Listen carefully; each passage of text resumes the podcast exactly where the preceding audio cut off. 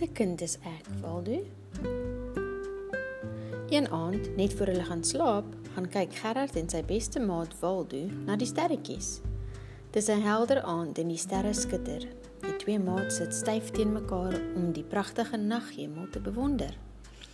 Gerard kyk op na die sterre en fluister: "Die wêreld is so groot en ek is so klein." Hy kyk na sy maat. "Wie se kind is ek eintlik, Waldo?" Vertel my van myself.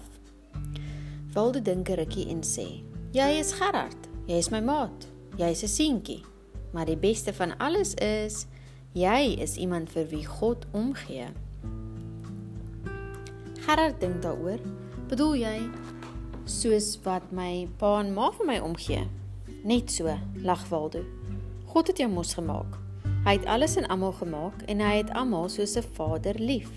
Waldo staan op tel Gerard op sy skouers en stap terug huis toe.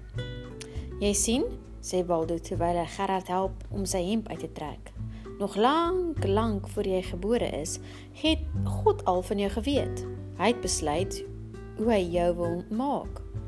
God het jou toe al liefgehad. Jy was so 'n mooi prentjie wat God eers uitgedink het voor hy jou gemaak het." "Maar hoe het God my dan gemaak?" vra Gerard. Op 'n dag het God besluit die seentjie aan wie hy gedink het, moet nou gebore word.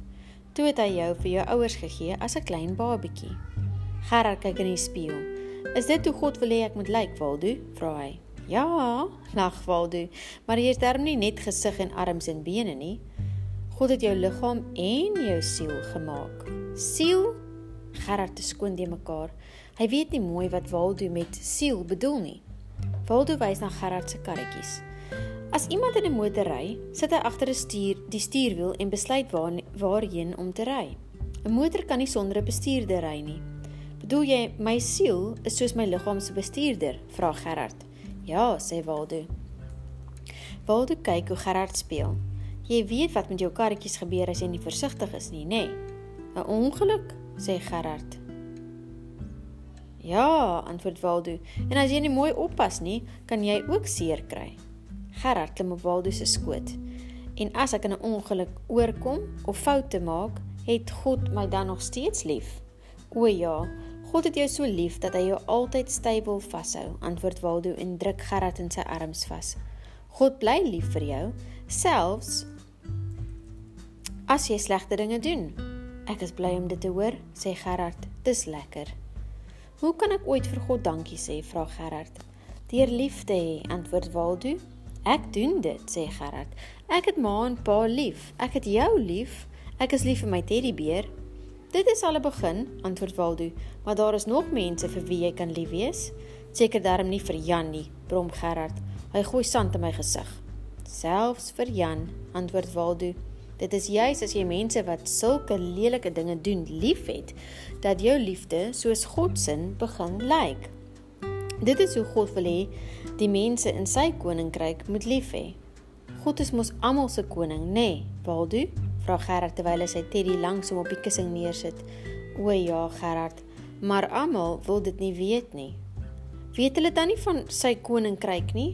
Nee, antwoord Waldo en maak Gerard warm toe. Maar as ons hulle liefhet, kan hulle ook God se liefde leer ken. Hoe werk dit? vra Gerard. Waldo glimlag. Mense wat ons liefde sien, sal agterkom dat ons aan God behoort en dan leer hulle ook om te glo in God se liefde. Kan almal aan God behoort? Ja, Gerard. Jy en jou pappa hulle en jou maats. Dis goed, roep Gerard, roep Gerard uit terwyl hy sy vriend styf vasdruk. Dis dit sou goor gewees het sonder jou. Ek wil ook nie sonder jou wees nie, lag Waldo, maar ons het nou genoeg gepraat. Dis slaaptyd. Mooi drome, Gerard. Lekker slaap, Waldo. Jy ook, antwoord Waldo. Terwyl Gerard aan die slaap raak, fluister hy: Ek behoort aan God. Ek is belangrik vir hom. Hy ek, hy hoop dat hy van God en sy wonderlike koninkryk van liefde sal droom en hy droom toe presies daaroor die einde.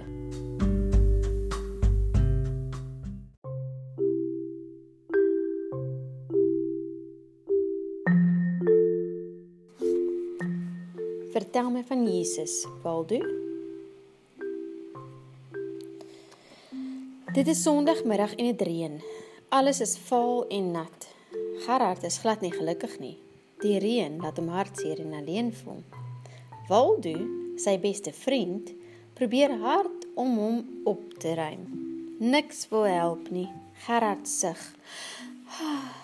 Ek wens iemand kan verstaan hoe ek regtig voel. Jesus verstaan, sê Waldo saggies. Gerard kyk op na sy vriend. Vertel my van Jesus, Waldo, vra hy. Goed, glimlag Waldo. Ek sal jou van hom vertel as jy eentjie saam met my sal gaan stap. In die reën? Vra Gerard verbaas. En hoekom nogal nie? Terwyl Waldo vir Gerard help om sy stewels en baadjie aan te trek, begin hy vertel. Jesus is die seun van God. Hy het hier op aarde gelewe as 'n gewone mens tussen ander mense. Hy het mense na God gelei en ons ook geleer hoe ons moet lewe en mekaar moet lief hê. Wat het dit te, doen met hoe ek vanmiddag voel? vra Gerard.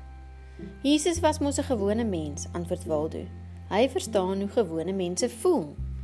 Hy het ook seer gekry en hartseer gevoel, nes jy. Hy weet presies hoe jy vanmiddag voel. Kan hy my help om beter te voel? vra Gerard. O ja, sê Waldo. Jy weet, hy sal verstaan, daarom kan jy hom alles vertel. Jy kan hom vra om jou te help. Die seun van God het 'n mens geword juis sodat hy ons kan help.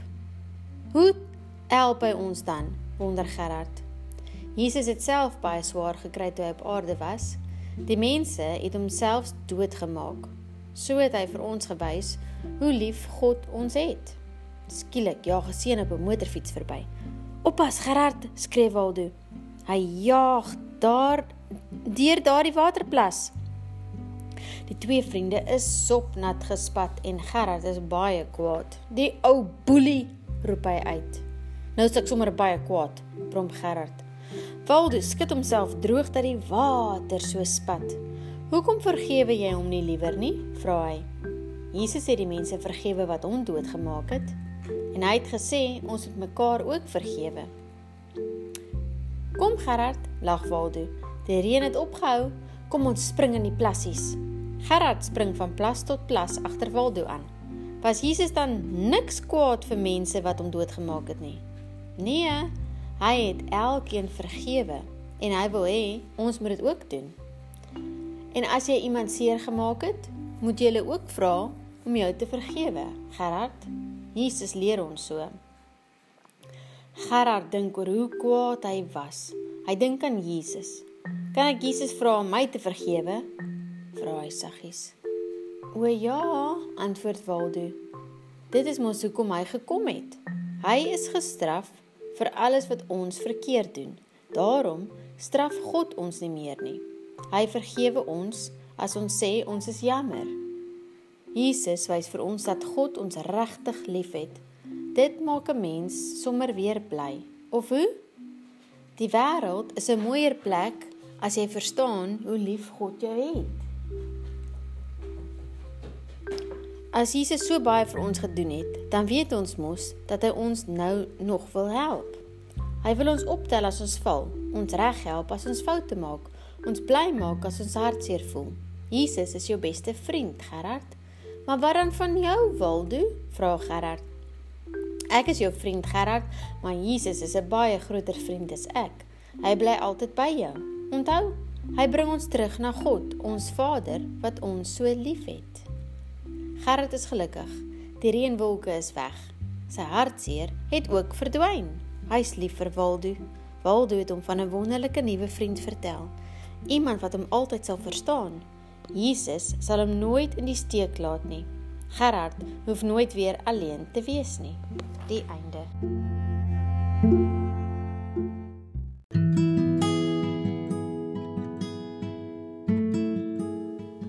Seef se nuwe maatjie. Oom Piet het vroeg die môre van die plaas af gery om sy seun by die koshuis op die dorp te gaan haal. En waar is die vriend dan wat sou saamkom plaas toe? Vra hy toe Seef sy tasse agter in die motor pak. Willie pa, nee, hy kan nou skielik nie meer kom kuier nie. Hulle gaan na hulle mense in Rhodesia toe. Dis jammer, sê oom Piet. Maar is daar dan nie 'n ander maatjie wat graag plaas toe sal wil kom nie? Ek weet die pa, as Willie nie wil kom nie, dan kan hulle maar almal bly. Met die ander sal ek tog nie lekker kan speel nie. Och man, antwoord oom Piet. Daar is mos nie net een seun met wie jy kan speel nie. Maar wag, ek sal 'n plan maak. Toe hulle buite kan die dorp kom, sê Seef. Maar paas mos nie nou op die regte pad nie. Ons gaan eers Johannesburg om, antwoord oom Piet. Seef sit en dink hoe lekker hy en Willie op die plaas sou gekuier het. Daar is so baie dinge wat hulle wou doen. Swem, perdry, bergklim, voëleiertjies versamel en nou sal dit net hy en die banddoetjies daar wees. Hy wonder wat se plan sy pa in die kop het. Hulle kom in Johannesburg en na 'n rukkie ry hulle deur 'n voorstad waar vuil kindertjies in die straat speel. Die huisies is klein en armoedig. "Sjoe, pa, maar dis daar baie arme mense wat hier bly," sê Seef toe sy pa voor een van die huisies stilhou. Hy wonder wat hy hier kom maak het. Hy sien sy pa aan die deur klop. Iemand het oopgemaak en sy pa gaan by die deur in. Dis amper 'n kwartier later en as sy pa weer uitkom. By hom is 'n vrou en 'n seun wat omtrent net so oud soos hy moet wees. Die seun het 'n reistas in sy hand. Hulle kom na die motor toe en Seef klim uit om te groet soos hy van kleins af geleer is om te doen. "Seef," sê sy pa, "dis Tannie Viljoen en dis Toetjie, Tannie Viljoen se seun." Toetjie sê hy was nog nooit op 'n plaas nie en hy sal graag die vakansie by ons wil gaan kuier. Seef weet nie wat om van die plan van sy pa te dink nie. Ehm, um, Toetjie lyk 'n gawe ouetjie, maar wat sal hy kan doen as hy nog nooit voorheen op 'n plaas was nie? En kyk hoe lyk sy hare en die snaakse broek en skoene wat hy aan het. Oom Piet is haastig en nadat hulle gegroet het, ry hulle. Toetjie sê hy sal graag agter wil sit, seker omdat hy nog skaam is, dink Seef. Die hele pad plaas toe, praat hy dan ook nie 'n woord nie. Antwoord net ja of nee of ek weet nie as hy 'n vraag gestel word. Wat werk jou pa, Toetjie? My pa is dood. En wat is standaard as jy nou? Geen antwoord nie. Kan jy perd ry? Nee. Sie wonder of hy al 'n perd gesien het. Kan jy swem? Ja. Tennis speel? Dogtertjie speel tennis. Oom Piet bars hardop uit van die lag. Wat kan jy nog doen? Geen antwoord nie. En nou is Seef baie spyt dat hulle nie maar reguit van die kosses af plaas toe gery het nie. "Oupa," sê hy moedeloos toe hulle net voor son onder by die huis kom. "Ek weet nie hoe dit sal gaan nie." Hy praat dan nie eens met 'n mens nie. Dis omdat hy nog vreemd is, Seef. Hy sal nog regkom, jy sal sien. Tant Moentjie, Seef se ma, kom by die voordeur uit en groet hulle. "Julle moet gaan was dat ons kan eet," sê sy. "Julle is seker al erg honger." Toetjie gaan saam met Seef badkamer toe. Nou dat hulle nie by die groot mense is nie, het hy skielik spraak spraaksame geword. In die badkamer kyk hy verwonderd om hom rond. "Was julle altyd hierso?" vra hy. "Ja, dis mos die badkamer. Het julle dan nie een nie?" Toetjie skud sy kop. "Nou hoe bad julle dan?" "Ons gooi water in 'n sinkpad en dan was ons in die kombuis."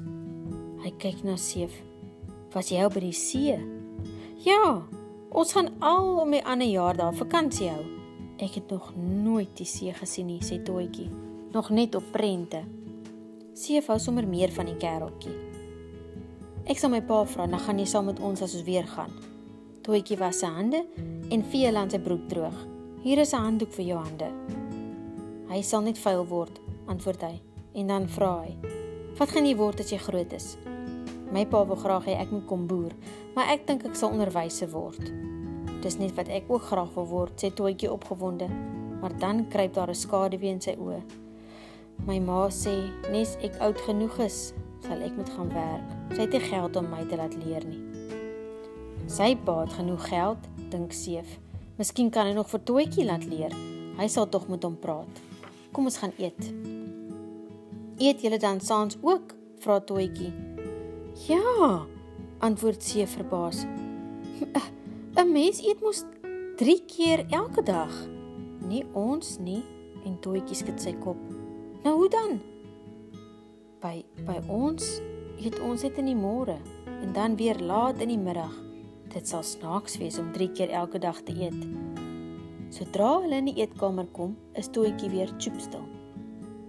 Ek het gewonder of ons die môre 'n paar Geelis kan gaan probeer uittrek nie, sê oom Piet om Toetjie op sy gemak te laat voel. Hy weet die seun is lief vir visvang. Ai, dit sal lekker wees, pa. Dan vat ons kos saam en ma gaan ook saam en ons bly sommer die hele dag by die rivier en ons swem. Toe, eet nou maar eers. Ons is nog nie daar nie. Keer oom Piet. uh, Keer oom Piet hom as dit lyk of hy wil opspring om sy visstok te gaan haal. Toetjie slaap by Seef in die kamer. Trek jy nie nagklere aan nie? Vra Seef te Toetjie sommer met sy broek onder die kombers wil inspring. Nagklere? Ek slaap altyd in my broek. Wag, ek sal vir jou van myne bring. 'n Lang ruk nadat die lamp doodgeblaas en hulle stil in die donker gelê het, vra Toetjie: "Lees jou pa elke aand in die Bybel?" "Nie net in die aand nie, in die môre ook," antwoord Seef. "En julle?" "By ons lees ons die Bybel nie. Nes dit nagmaal is, gaan my ma kerk toe." "Ek was in die kerk toe ek nog klein was, maar ek kan dit nie meer onthou nie. Is dit lekker in die kerk?" Seef glimlag. "Dis soos in die skool. Dis nie lekker nie en dis ook nie sleg nie." Die volgende môre slaap Toetjie nog. Toe Seef sy pa al buite by die kraal help. Is Toetjie se mense baie arm, pa? vra hy. Ja, ou seun, in Johannesburg is daar baie sulke arm mense. Hy sê hy was laas in die kerk toe hy nog klein was, pa. Hy kan dit eers meer onthou nie. En en ek weet nie of mense kan glo nie, maar hy sê hulle eet net twee keer elke dag. Hy het die see nog net op prente gesien en hy bid nie saans en hy slaap in sy broek.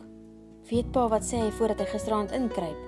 Hy kyk so na sy lakens en hy sê by die huis slaap hy net onder 'n kombers.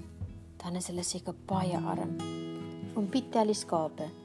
sien jy nou wat 'n groot werk daar op jou wag, ou seun? Werk, pa? Maar pa dan gesê ons gaan visvang vandag. Ons gaan visvang, ja. Maar jy sal toetjie baie dinge moet leer. Jy sal hom moet leer bid, nes jy hom sal leer perdry en so baie ander dinge waaraan hy nie gewoond is nie. Jou lesse kan sommer vandag by die rivier begin. Jy is nog nie spyt uit gekom nie. Ek was eers nie baie bly nie, pa, maar nou is ek. Ek hou van hom. 'n Week het verbygegaan. Ek wens sy ma kan kom kan hom nou sien, sê tant Moentjie vir oom Piet een aand op die stoep. Hy het baie gou geleer. En het jy daardie eerste dag toe hy hier aangekom het gedink hy is so 'n liewe kind? Nee, oom Piet het nie. En hoe hou jy nou van die nuwe maat, Seef? Vra oom Piet 'n week voordat die skole weer begin. Ek hou baie van hom. Pa, Willie is gaaf, maar Toetjie is net so gaaf en ek het al gewens hy's my broer. Weet pa, hy's nogal slim op skool en hy's in dieselfde standaard as ek. Sal jy hom in die wintervakansie weer hier wil hê? O ja, pa. Nou ja, ek en jou maat gisteraand oor die saak gesels. Ons wou graag meer kinders gehad het, maar nou het ons net vir jou. Ek gaan Vrydag Vrydag Johannesburg toe. En dan gaan ek en sy ma vir sy ma vra of hy saam met jou skool toe kan gaan. Ek sal al die skoolgeld betaal en vir hom klere koop. En as jy 'n matriek geskryf het, kan jy verder gaan leer. Ek verstaan mos jy wil onderwysers word. Seef kan net lag, so bly is hy. En in die wintervakansie gaan ons see toe. Hy moet darm sien hoe lyk die ou blou dam. Seef sien Toetjie bo van die huis af kom. Kan ek hom maar vertel pa asseblief? Oom Piet knik met die kop. "Haai Toetjie!" skree Seef dan so hard dat die honde voor die agterdeur eintlik aan die blaf gaan. "Kom hoor net bietjie hier. My pa sê ons gaan Julie maand see toe en jy gaan saam. My pa gaan met jou ma praat en dan gaan jy saam met my skool toe en as ons matriek skryf gaan ons onderwysers word. Regtig, ek jok nie. Jy kan my pa self vra. Is is dit regtig so oom Piet?" Dit is so toetjie. Ek en die tante vir altyd nog kinders gehad het en dit lyk my jy moet maar ons tweede seun word. Van pure opgewondenheid skop see vir konfytblik dat hy dwars oor die kraalmuur vlieg. En weet pa wat? Fluister hy naby oom Piet se oor sodat net hy hoor. Toetjie bid nou elke aand voordat hy gaan slaap. Die einde.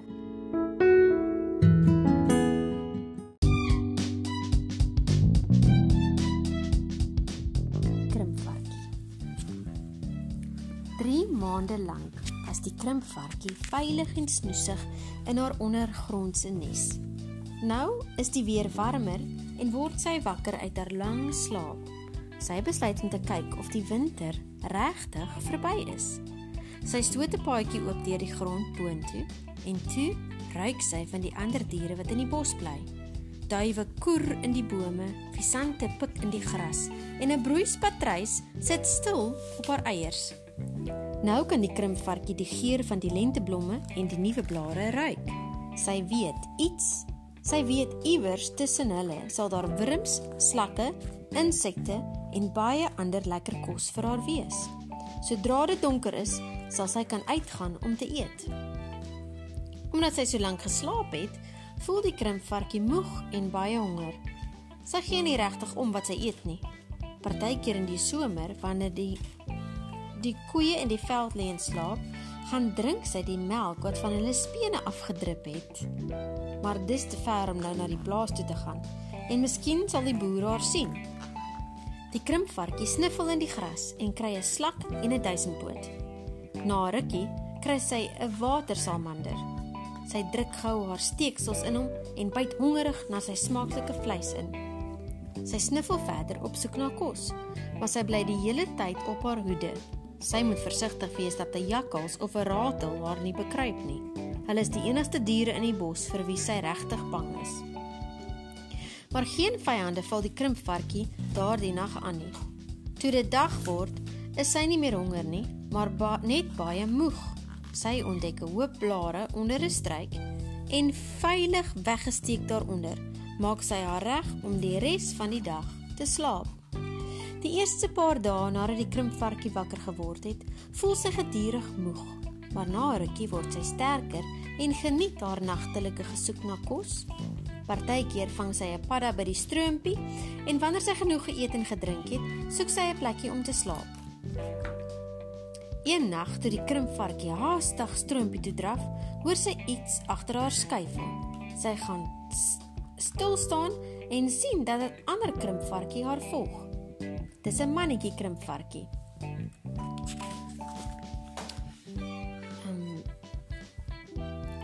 Net toe die son opkom, kry die mannetjie 'n voelnesie vol eiers. Blitsvinnig breek hy al die eiers en baie gulsig lek hy die romerige eiergeel op. Die voeltjie kan niks doen om hom te keer nie en sy vlieg weg. Maar dis nie net die voeltjie wat gesien het hoe die krimpvarkie die nesie aanval nie. 'n Jakkals het dit ook gesien. En die jakkals is altyd honger. Toe hy van die nesie af wegstap, ruik die krimpvarkie die jakkals en begin te hardloop. Maar die jakkals hardloop ook en die krimpvarkie weet hy kan nie wegkom nie. Sy pensvel is onbeskerm en die jakkals se tande is baie skerp. So haastig rol die verskrikte krimpvarkie hom in 'n bolletjie op. Nou sal die jakkals hom nie maklik kan byt nie. Maar die jakkals gee nie moed op nie. Hy snyf aan die ronde krimpvarkie en stoot hom met sy poot. Die bolletjie vol steeksels begin beweeg. Die jakkals klap hom weer en hierdie keer begin die krimpvarkie rol. Die dit rol en rol die afdraande af na die stroompie toe. Skielik is die krimpvarkie in die water. Hy maak sy lyfie hastig reguit om weg te swem en toe storm die jakkals nader. Ai, toggie, sy tande sak in die krimpvarkie se maag weg. En sy skerp steeksels kan hom nou nie meer red nie.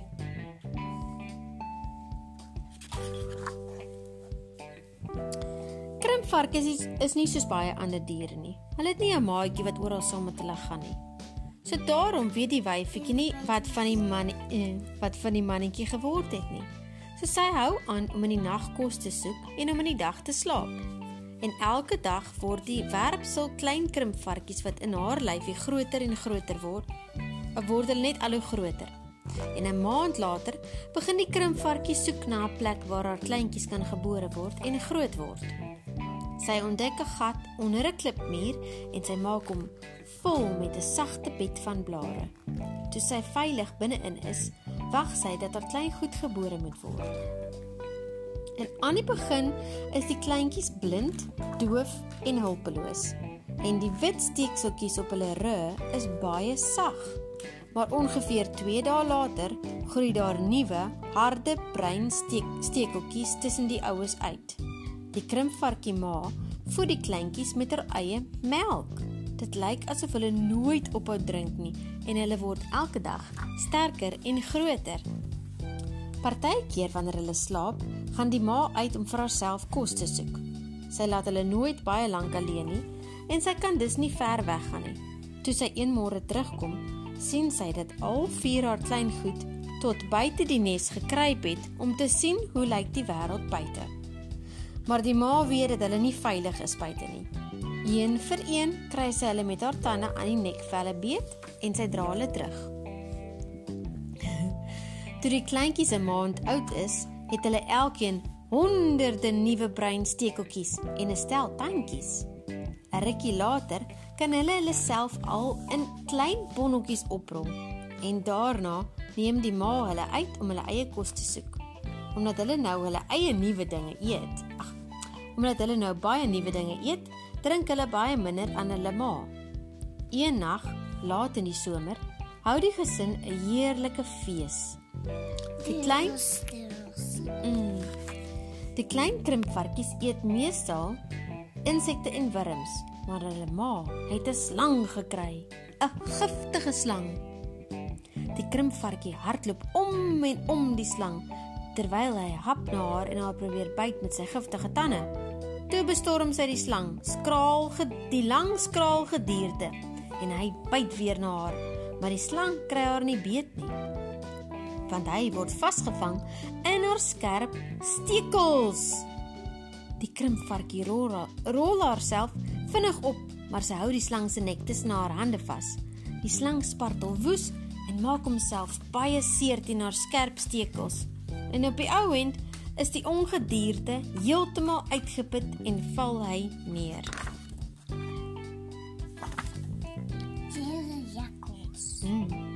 Die jong krimpvarkies het dit baie geniet om wurms uit te grawe en die slang te eet. Maar nou, terwyl hulle stadig huis toe stap, kan hulle skaars hulle oë oop hou. Toe hulle by die klipmuur aankom, het hulle net genoeg krag om by die nes in te kry. Hulle raak sommer op 'n hoop aan die slaap. Maar die jakkals is nie vaak nie.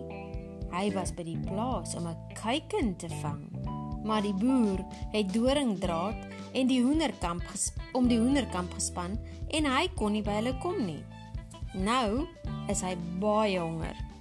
Die jakkal sien eers net 'n klein openingkie tussen die klippe. Hy druk sy snoet daarin en toe kom een van die klippe los. O. Die jakkals kan die krimpvarkies dolweg sien deur die opening maar hy kan hulle baie goed ruik. Die krimpvarkie se ma is nog wakker. Sy voel die jakkal se warm asem en hoor hom huig. Die jong krimpvarkies word wakker net toe die jakkal sy neus deur die opening druk. Hulle vlug verskrik agteruit, weg van die verskriklike rooi gesig en hulle steek steekeltjies staan regop. Eers bly die ma dapper staan en sy knor vir die gevaarlike dierasie maar toe rol sy haar in 'n bonnetjie om veiliger te wees. Solank die muur bly staan, kan die groot dier nie nader kom nie. Die jakkals probeer hard, maar hy kan nie by die nes inkom nie. Uiteindelik draf hy weg, nog baie honger. Toe die son ondergaan, lei die ma die jong krimpvarkies by die nes uit. Sy moet 'n nuwe plek kry om hulle weg te steek en sy moet dit sommer gou kry. Die nes in die klipmuur sal dalk nie nog 'n aanval oorleef nie. Die hele gesin draf stil deur die bos sonder om te stop om na kos te soek. Gelukkig is die jakkals nie naby nie en na 'n rukkie kry hulle 'n boom met knoetsige wortels waaronder hulle kan skuil. Die jong krimpvarkies het so vinnig gegroei dat hulle nie veel langer in 'n nes hoef te bly nie.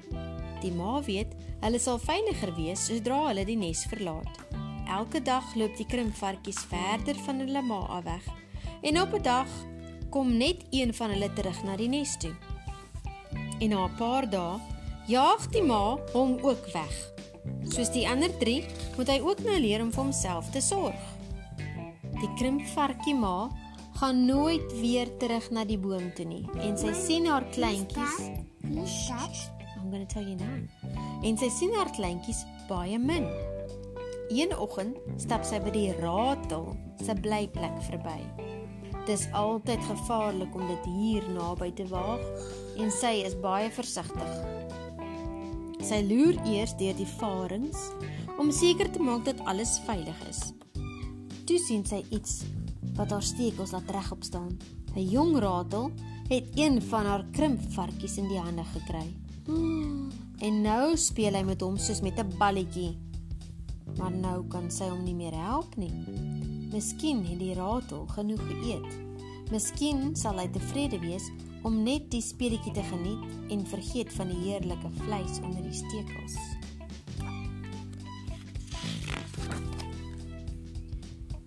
Toe die somer skielik, toe is die somer skielik verby. Koue winde begin waai en die grond lê vol bessies, blare en neute. Al die jong diertjies het groot geword en hulle ouers verlaat. Later sal baie van die voëls ook weggaan en na warmer lande toe vlieg waar daar baie kos sal wees. Die bos word elke dag stiller. Die gezoem Die gezoem van die insekte het stil geword en die voeltjies sing nie meer baie in die môre nie. Na mate dit kouer word, begin die diere om meer te eet. Hulle moet baie vet aan hulle liggame hê om hulle teen die koue winter te beskerm.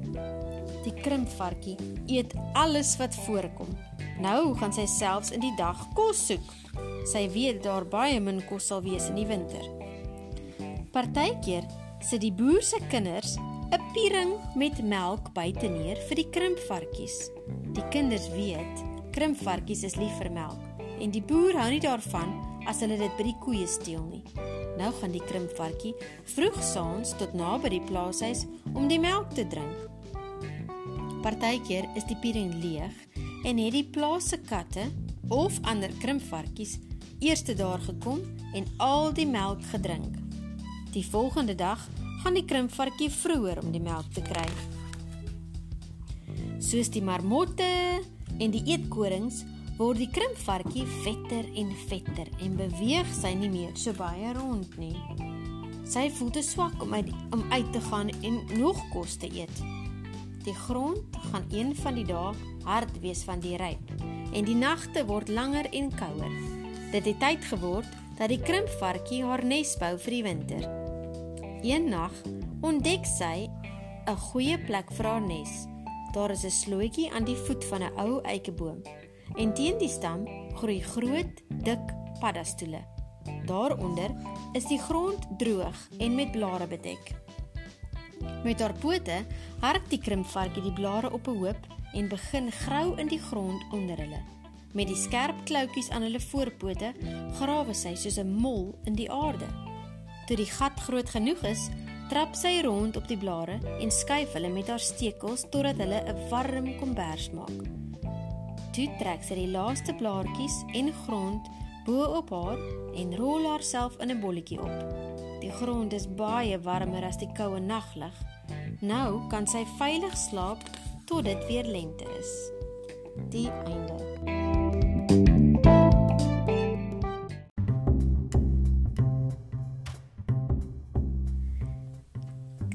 krimpvarkie feite.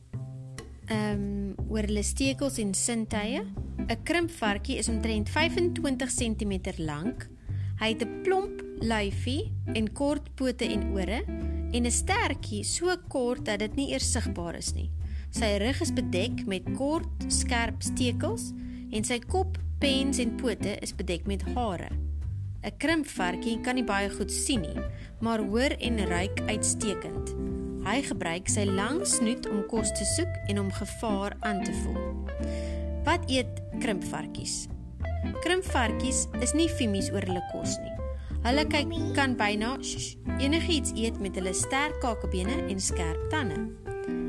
Wille krimpvarkies eet insekte, aardwurms, slakke, duisendpote, paddas, akedisse en klein muisies, selfs giftige slange en vrugte. Hulle eet hoofsaaklik snags en vroetel graag in die dooie blare en afval op die grond. Hulle snoete en pote is so sterk dat hulle klippe kan omkeer om insekte daaronder uit te haal en wurms en ander kos uit te grawe. As 'n krimpvarkie hom in 'n tuin kom tuis maak, kan mens gerus 'n piering met melk iewers vir hom neersit. Hulle is baie lief daarvoor. Party het al gebakte boontjies, graanvlokkies, sjokoladebeskuitjies en vlae geëet. Maar ek sal nie sê dis 'n goed, dis goeie kos vir hulle nie.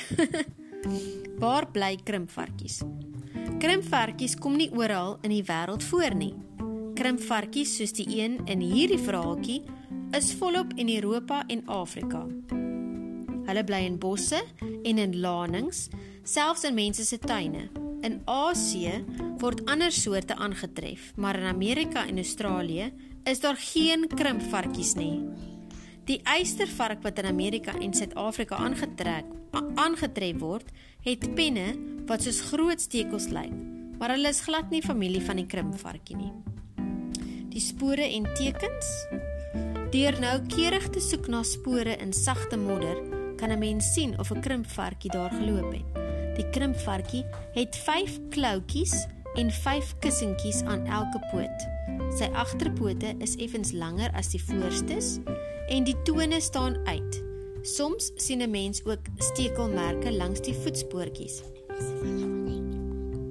'n Krimpvarkie se pote is so kort dat sy pens dikwels die grond raak en die stekels op sy rug in die modder sleep. Ander tekens is die mishoopies en afval wat deurmekaar gekrap is. Die mis is klein, swart korreltjies met 'n ronde end. Daar is gewoonlik oorblyfsels van insekte in. Is dit waar? Kom ons kyk. Daar is al baie stories oor krimpvarkies vertel en niemand weet hoe waar hulle is nie. Party mense lag vir boere wat glo dat krimpvarkies melk van hulle koeie steel. Maar ander sê weer dat hulle gesien het hoe die krimpvarkies in 'n koei drink.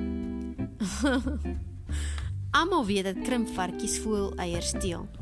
Maar druk hulle ook appels en arbeye in hulle steek, stekels vas en dra dit dan so weg.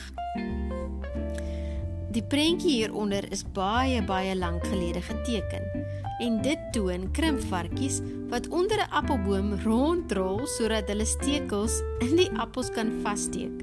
Min mense het ooit so iets gesien, maar baie mense glo dat dit wel kan gebeur. 'n Skuimbad. 'n Skuimbad. Een geheim van krimpvarkies is nog nooit opgelos nie. Baie mense het al gesien hoe krimpvarkies hulle self doop. Hulle lek aan iets totdat daar skuim by hulle monde uitkom. En dan gaan staan hulle half regop op hulle voorpote. Draai hulle koppe om en smeer die skuim op hulle stekels. Partykeer draai hulle hulle koppe so ver dat hulle omval. Wetenskaplikes kan nie dink waarom hulle hulle self doop nie. Miskien sal hulle eendag uitvind. die einde.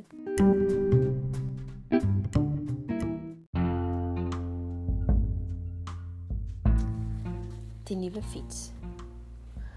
Karel het sy neus plat teen Gowan se winkelfenster gedruk.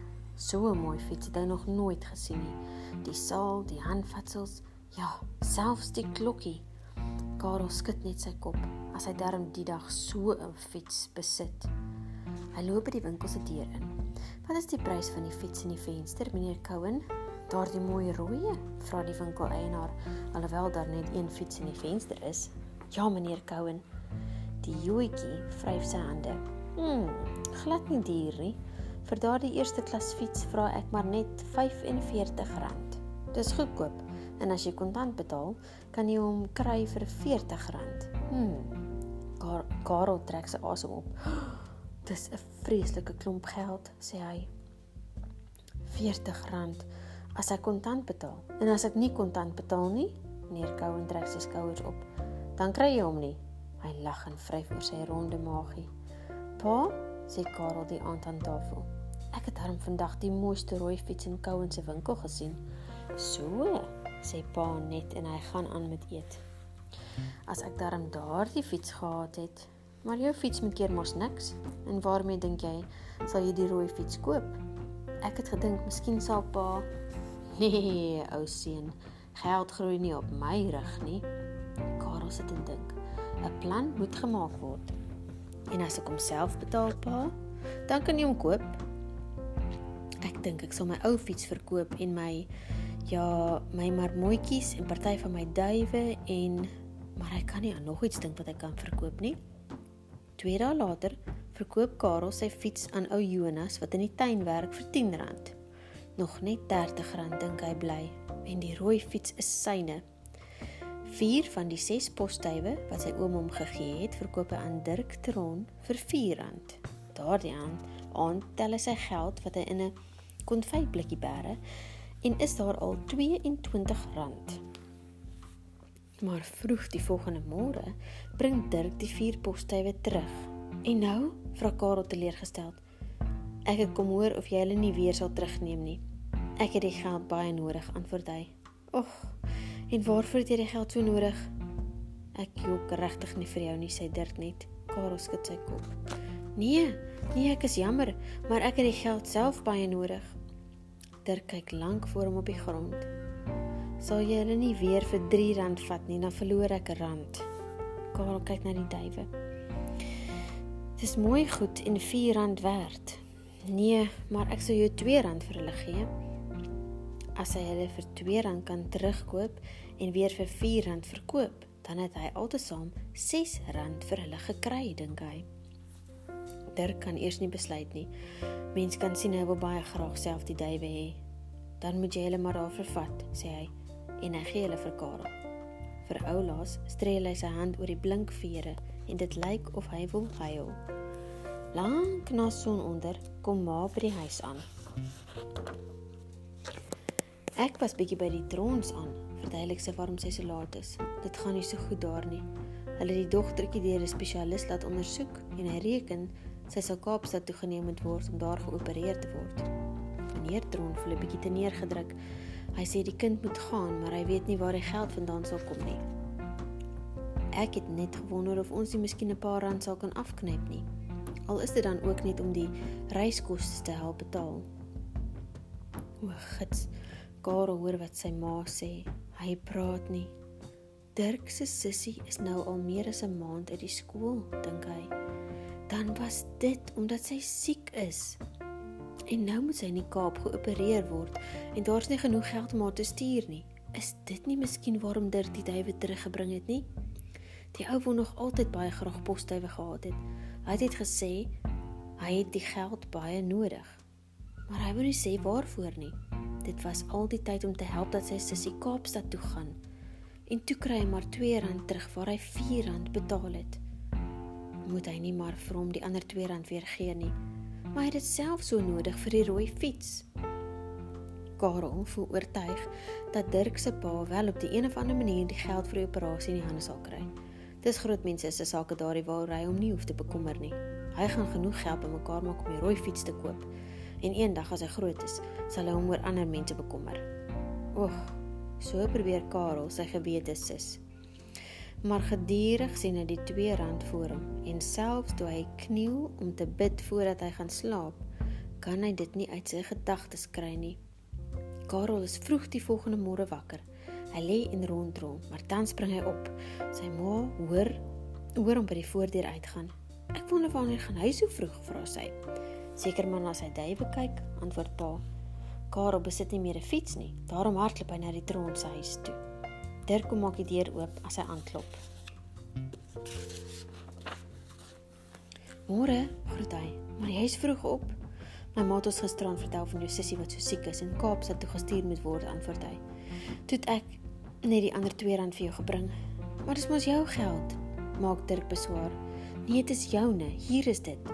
Dirk vat die geld. Daar is trane in sy oë en hy vee hulle met die rugkant van sy hand droog. Och, dankie. Dankie, sê hy net. Daardie hele dag is Karel stiller as gewoonlik. Het pa oor Dirk se pa geld gegee? Vra hy die aand aan tafel. Nee, antwoord hy, maar ek sal môre kyk wat ek kan doen. Daar sal darm 'n paar rand wees wat ons hulle kan laat kry. Karel sluk om te praat.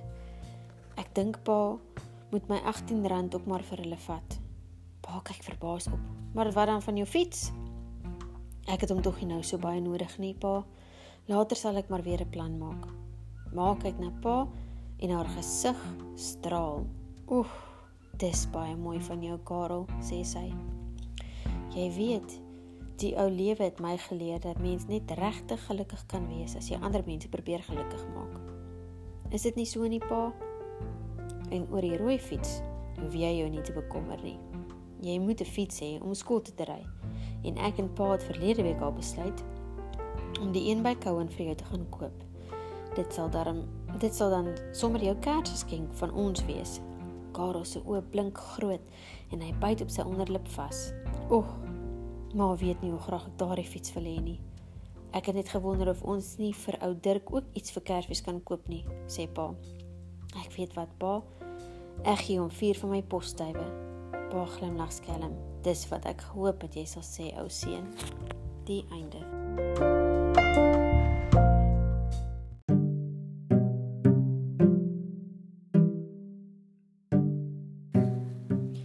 Die noorde wind en die son. Huil die woeste noorde wind en waai dat die teels van die dakke afspring. Ek is die magtigste ding op die aarde. Die son steek sy groot geel gesig agter die wolke uit. O nee, ek is die magtigste, sê hy. Nou maar kom ons kyk, sê die noordewind. sien jy die reisiger daar onder in die pad? Ek weet jou, ek gaan sy mantel die e-, eerste van sy rug afkry. Die son glimlag beleefd.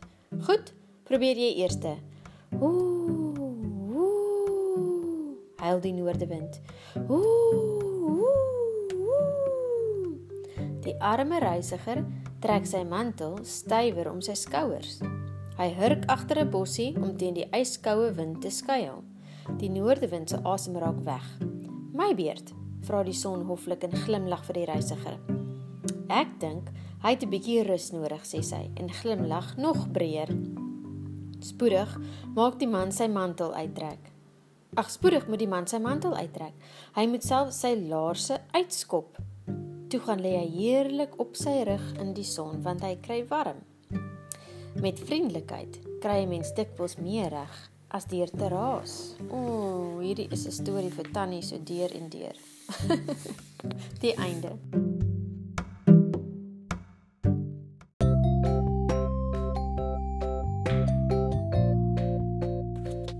Die verlore neut.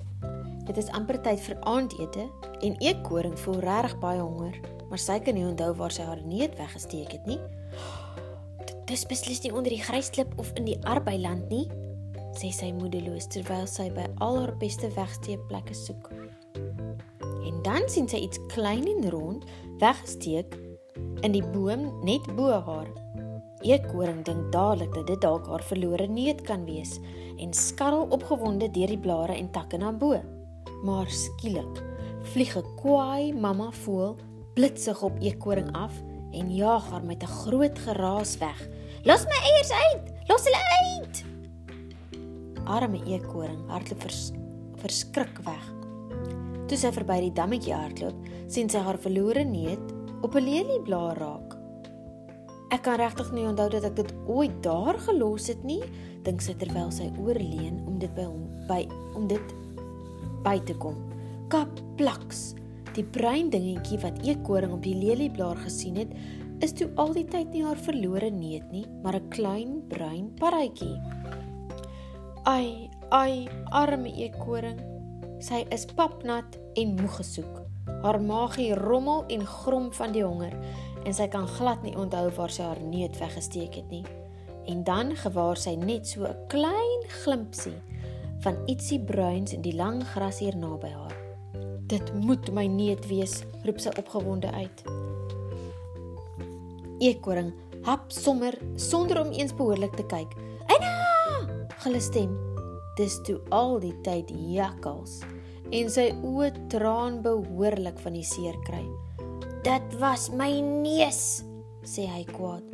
"O, oh, ek ek is vreeslik jammer, fikker reg baie jammer," sê eekoring verlee en sy skarrel vinnig weg. So vinnig as wat sy haar pootjies kan dra, hardloop eekoring huis toe. Daar sal ek tog veilig wees, dink sy en duik sommer in haar bedjie en dan voel sy iets klein en rond onder haar kussing. "Dis my verlore neut," juig sy vrolik en dis net waar ek dit gelos het. Ag, hoe lekker. Uiteindelik kan eekoring haar verlore neut eet. Die einde.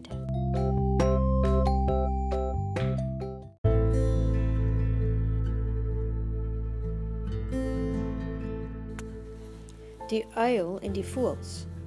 Baie lank gelede is die eerste uil gebore. Sy was nog maar baie jonk. Toe roep sy al die ander voëls saam en waarsku hulle.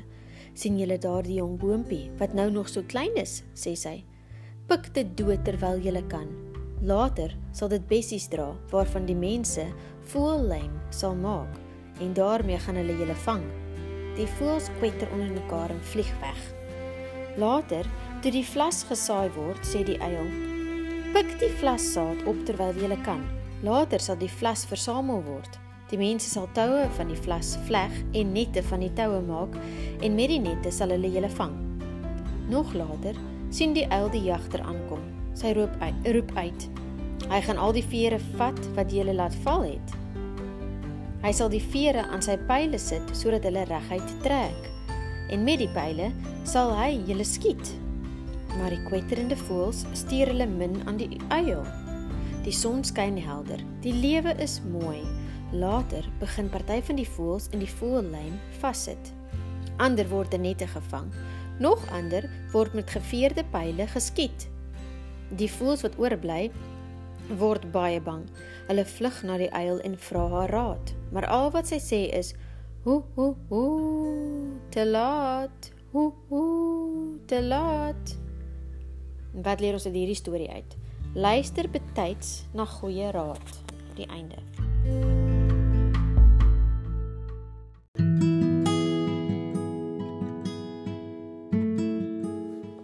Die gelukkigste dogtertjie.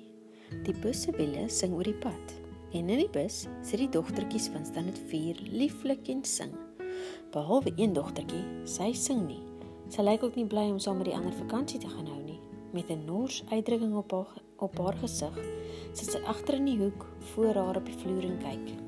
Meester, want so noem hulle hulle onderwyser, het dit ook opgemerk. Dis jammer, dink hy, want hy wil so graag hê almal moet die naweek in die wildtuin baie geniet. Maar haar ma het vir hom gesê sy is 'n bietjie bederf en altyd nikkerig as sy nie haar sin kan kry nie.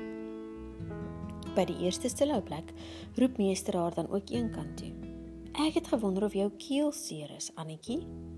Nee, meester. Ek het opgemerk jy sing nie saam met die ander nie. Voel jy dan ook nie bly ons gaan die naweek lekker vakansie hou in die wildtuin nie? Ek voel bly, meester, maar dit is Maritjie wat vra vir Beel, sy is wat wonders. Maritjie? vra meester verbaas dis snaaks. Sy is een van die vriendelikste en gaafste dogtertjies wat hy ken. Nou, nou wat het sy gedan gedoen? Sy wil my ook nie 'n bietjie by die venster laat sit nie, meester. O, dink meester, dan is dit die moeilikheid. Het jy haar gevra? Ja, meester, maar sy sê net nee. Jy weet, Maritjie is 'n vreeslike tergees, Annetjie. Het jy mooi gevra? Ja, meester. Sê nou vir my, hoe mooi het jy gevra? Ek het vir haar gesê, sy moet onthou dit is nie nie net sy wat graag by die venster wil sit nie, meester. Dit is mos so. Meester lag. Nou kan ek verstaan waarom sy geweier het. Maar wag, bring gou vir elkeen van ons 'n lekker koppie koffie, dan gesels ons verder. Annetjie het die koffie gaan haal en hulle staan lekker in die wintersonnetjie en drink. Maritjie is 'n gawe, opgeruimde kind, sê meester. Ek glo darm nie sy sal so selfsugtig wees om jou nie ook by die venster te laat sit nie. Jy moet haar net mooi gevra het en sy sou dadelik opgeskuif het. Dit sou niks gehelp het nie, meester, en dit lyk of Annetjie wil begin huil. Hulle is almal katterig met my. As meester vir haar sê om my by die venster te laat sit, sal sy dit doen. Maar dit help nie dat ek met haar praat nie. Meester gee sy leë koppie vir haar. Ek kan haar sê om dit te doen en sy sal ook. Maar dan sal sy nog nie vriendeliker teenoor jou voel nie. En al sit jy dan by die venster, sal jy ook nie so gelukkig voel nie. Jy het gesê sy sal jou nie by die venster laat sit as jy haar vra nie. Maar probeer dit net een keer en kyk wat gebeur. Sal jy? Ek sal meester, maar ek weet nou al wat sal gebeur. Onthou net om mooi te vra. Sê my nou eers, hoe sal jy vra? Ek sal sê, Maritjie, ek wil ook graag by die venster sit. Nee, val meester haar in die rede. Jy moet sê, laat my ook 'n bietjie by die venster sit asseblief, Maritjie. Onthou nou mooi. Roep meester al die dogters, want dit is tyd om weer te vertrek. Hy hou Annetjie en Maritjie fyn dop. Maritjie het weer by die venster gaan sit. Dan sien hy hoe Annetjie met haar praat. Maritjie glimlag en skuif weg sodat Annetjie op haar plek kan sit. Meester kyk na hulle totdat Annetjie haar kop draai en na hom kyk. Hy knip oogskelmpies asof dit net hulle twee se geheim is en asof hy vir haar wil sê: "En wat het ek jou gesê, Annetjie? Hoe voel jy nou oor die vakansie?" Vra meester haar die middag toe hulle stil hou om te eet. "Baie lekker, dankie meester. Ek sien jy sing nou saam met die ander." "Ja, meester. As ons nou weer ry, dan moet jy vir Maritjie sê jy dink dis nou weer haar beurt om by die venster te sit. Sal jy? Ek sal so maak, meester, maar ek het al besluit om dit te doen nog voordat ons stil gehou het om te eet. Ai, dink meester, Annetjie se ma het hom vertel hoe selfsugtig haar dogter kan wees en sommer dik mond rondloop as sy nie haar sin kan kry nie. Maar as hy Annetjie nou sien, wonder hy of dit nie dikwels die pa en die ma se skuld is dat die kinders so is nie. Hy het nog net een keer met haar gepraat en hier dink sy al sy al daaraan dat Maritjie ook weer graag by die venster sal wil sit. Annetjie, sê hy, ek hoop al die dogters gaan die naweek baie geniet, maar daar sal seker een wees wat dit meer as al die ander sal geniet. Ek wonder of jy nie graag daardie dogter wil wees nie. Oeg, ek sal graag wil, meester, maar dis nou al baie lekker vir my.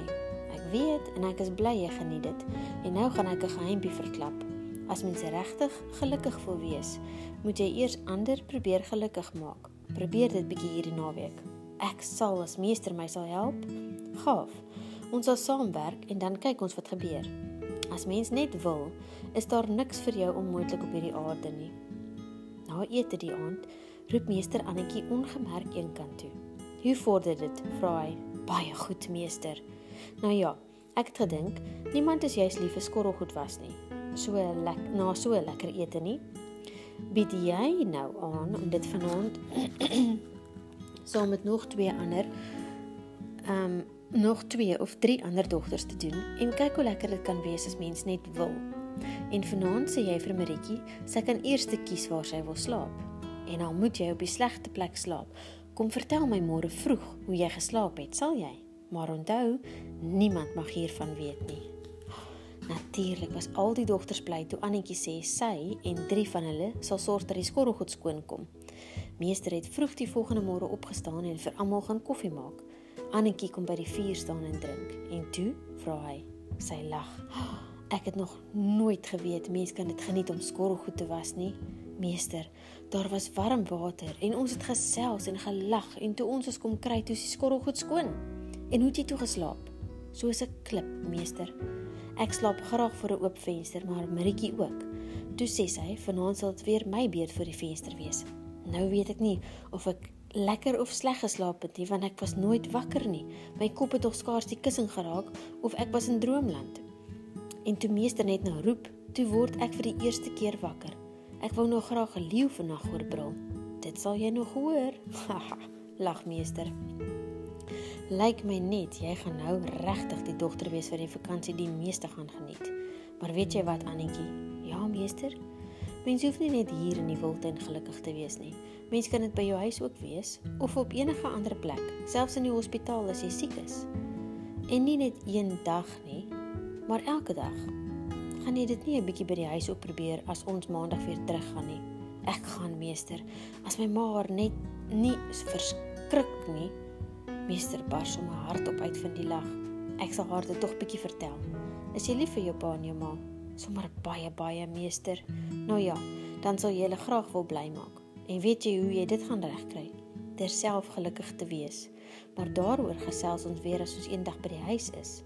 En kleinspan, watter dogtertjie dink julle was die gelukkigste hier daardie naweek in die wildtuin? Die ander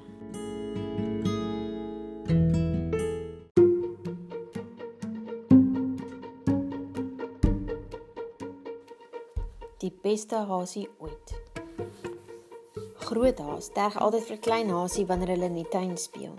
Ag ek kan tog hoor as jy spring, spog sy. Ek weet jou, jy kan nie eens oor daardie bos met die geel blomme spring nie. Klein hasie wou baie graag vir groot haas wys dat sy verkeerd is en daarom probeer hy om oor die bos met die geel blomme te spring. Wee! Skree klein hasie toe hy probeer om so hoog as moontlik te spring. Ag nee. Eina. Gelei toe hy kaplaks binne in die bos met die geel blomme val. Groot haas lag al te lekker toe sy hom in die bos trek. As jy nie eens oor hierdie ou bosie kan spring nie, sal jy beslis nie oor daardie groot waterplas kan spring nie, sê sy. Hi hi hi hi. hi. En met een groot sprong, spring Groothaas reg bo oor die groot waterplas. Nou is dit jou beurt. Klein Hasie probeer met alles wat hy kan. En hy gee 'n sprong en nog 'n sprong en nog 'n sprong. Maar o, gitsie fritsie, daar beland hy reg in die middel van die waterplas. Kom ons kyk wie kan die vinnigste hop, sê Groothaas en sy hop hardloop so vinnig as wat sy kan na die ander punt van die tuin. Klein Hasie kom hop hop hop agterna. Hy probeer so hard om by te bly dat hy nie die groot klip reg voor hom sien nie. Klein Hasie struikel en vlieg met 'n boog. Ooh, reg deur 'n gat in die heining van die groentetuin. Klein Hasie is baie hartseer en skaam, maar dan sien hy al die sappige groente rondom hom. Kom kyk net hier, groot haas, roep hy. Hier is hoop sappige wortels en kropslaai om te eet. Ek kan nie, skree Groothaas. Ek is te groot om deur die gat in die heining te kom. Maar ek kan wel, sê Klein Hasie. Hy wikkel maklik deur die gat en saam met hom bring hy die heerlikste sappigste, grootste wortel vir Groothaas. Baie dankie, sê Groothaas verlee terwyl sy 'n groot hap vat.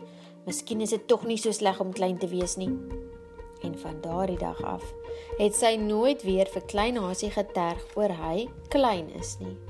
Die einde.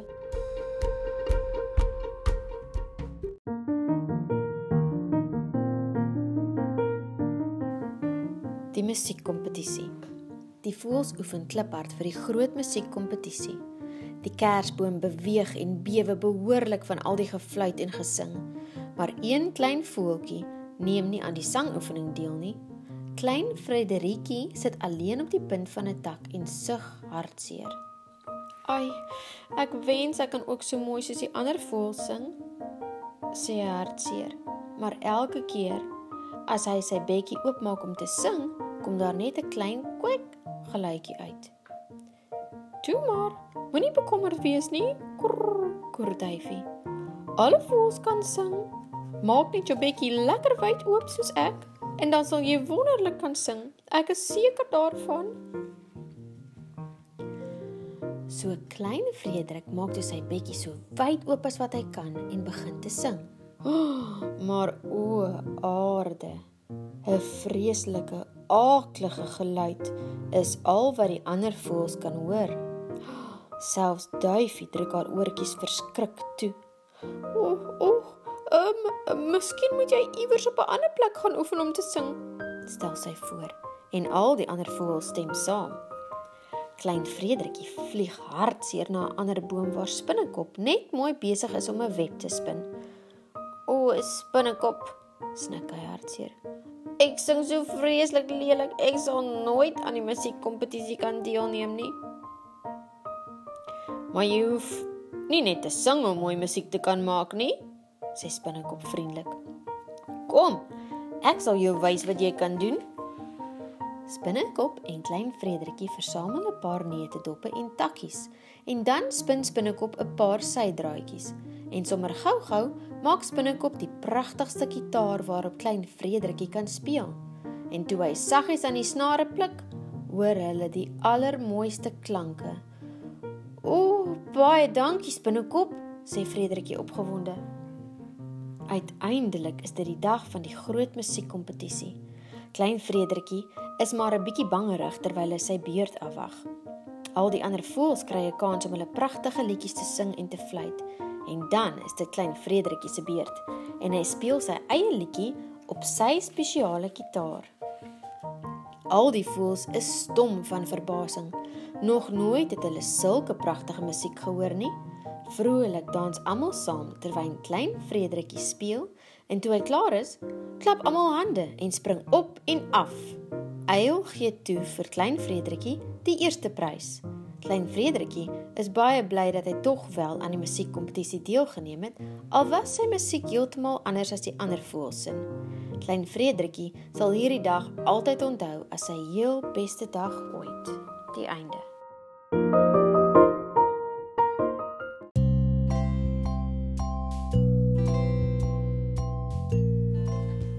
Die afgunstige hond. Daar was eendag 'n seentjie en 'n swart hondjie.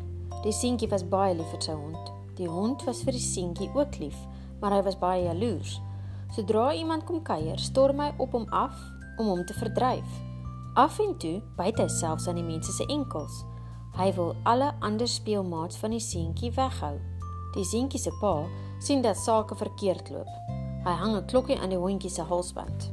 Nou kan almal hom hoor aankom. Vir die hondjie is dit net nog 'n speelding. Hy draf trots daarmee rond. Maar een aand keer die ou hond wat die seentjie se pa al ken vandat hy 'n kind was, die trotse hondjie voor. Hy het daardie klokkie gekry. Jy het daardie klokkie gekry omdat jy jou sleg gedra, sê hy. As ek jy was, sou ek nie nog mense se aandag daarop vestig nie.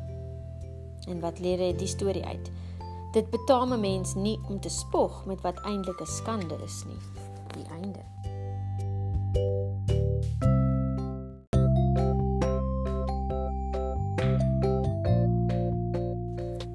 Die haas en die hond. Op 'n dag kom 'n hond in die veld op 'n haas af. Die haas spring weg en die hond sit hom agterna. Maar na ruk raak die haas te ver voor. Die hond keer uitgeput na sy baas terug. "Jou lui ding," skel sy baas hom uit. "Hoekom het jy nie vir die lekker vet haas vir my die lekker vet haas gebring nie?" Die hond laat hom klaar praat. Hy is maar te bly om eers weer 'n bietjie asem te skep. "Ja, baas," sê hy toe die man klaar geskel het. Jy kan maklik praat.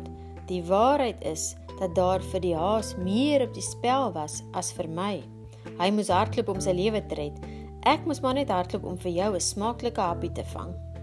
Wat mense die storie leer is as die beloning groot is, kom inspanning makliker. Die einde.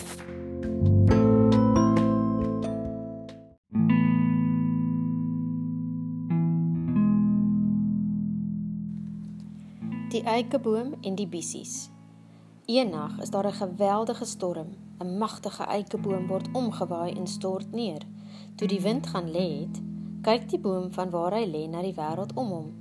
Daar is die rustige vlei, swane swem, paddas plons, vrolike otters speel in die water. Al die diere kon wegkruip toe die storm begin, maar die bissies kon tog nie wegkruip nie. En die bissies, die dun, sagte bissies, het die storm oorleef. Hoe is dit moontlik? Ek is jammer vir jou, sê die naaste bissie wat die boom hoor kreun het. As jy voor die storm kon buig, sou jy nie nog regop gestaan het nie. Hmm, wat leer ons uit hierdie storie is, hy wat nie kan buig nie, sal breek.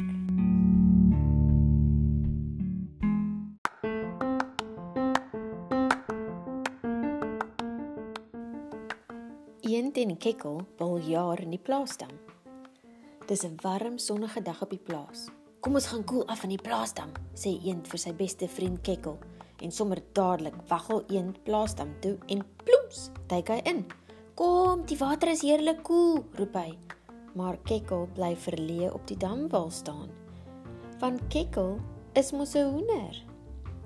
Ek kan nie swem nie, sê Kekkel skaam.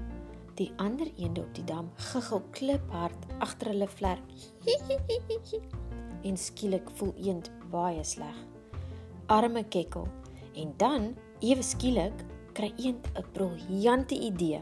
Wag net hierso, sê hy en hy waggel hastig na die skuur. Vanuit die skuur kom daar met eens 'n klomp harde skuur en saaggeluide. Die plaasdiere kom nou skieurig nader want hulle kon net nie raai waarmee eend nou weer besig is nie. En dan gaan die skuur se deure oop. Verrassing! Ek het vir Kekkel 'n bootjie gemaak sodat hy ook op die dam kan wees, roep een trots uit. Opgewonde dra Eend en Kekkel die bootjie na die dam. "Spring in," sê Eend. "Nou gaan ons twee groot pret op die dam hê." Saam roei Eend en Kekkel heen en weer op die dam totdat hulle poot uit is. Ha! Oh, en heel gou wil al die ander diere ook saamroei. Eend en Kekkel hou 'n duikkompetisie en al die eende duik vanaf die bootjie tot in die water, een vir een. Kekkel skie selfs 'n bietjie en Eend neem al die plaasdiere op 'n plesierrit op die bootjie. Dit is soveel pret, roep Kekkel vrolik uit. Kort voor lank is al die plaasdiere in die plaasdam. Baie dankie dat jy my gehelp het, Eend. Jy het my dag baie spesiaal gemaak, sê Kekkel. Ag, dis 'n groot plesier, glimlag Eend. Dis maar waarvoor beste maats daar is. En nou kan ons altyd saam pret op die plaasdam hê. Die einde.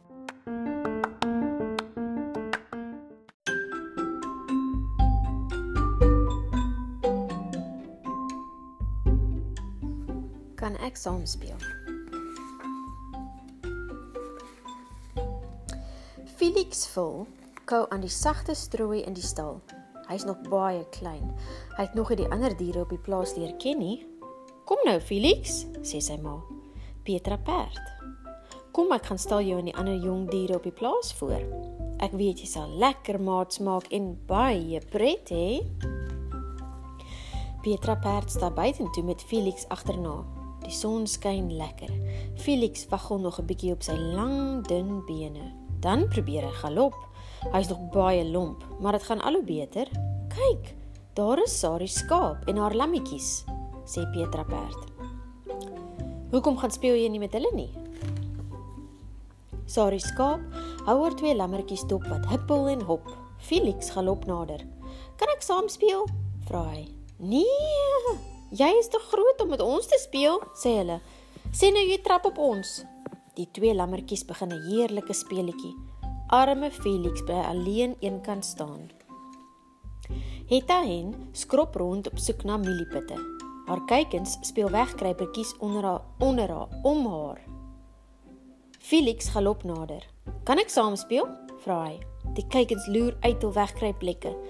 "Nee, nee, nee, Jy's te groot om met ons te speel, sê hulle. Sien nou jy trap op ons. Die kyk en speel verder. Arme Felix bly alleen eenkant staan.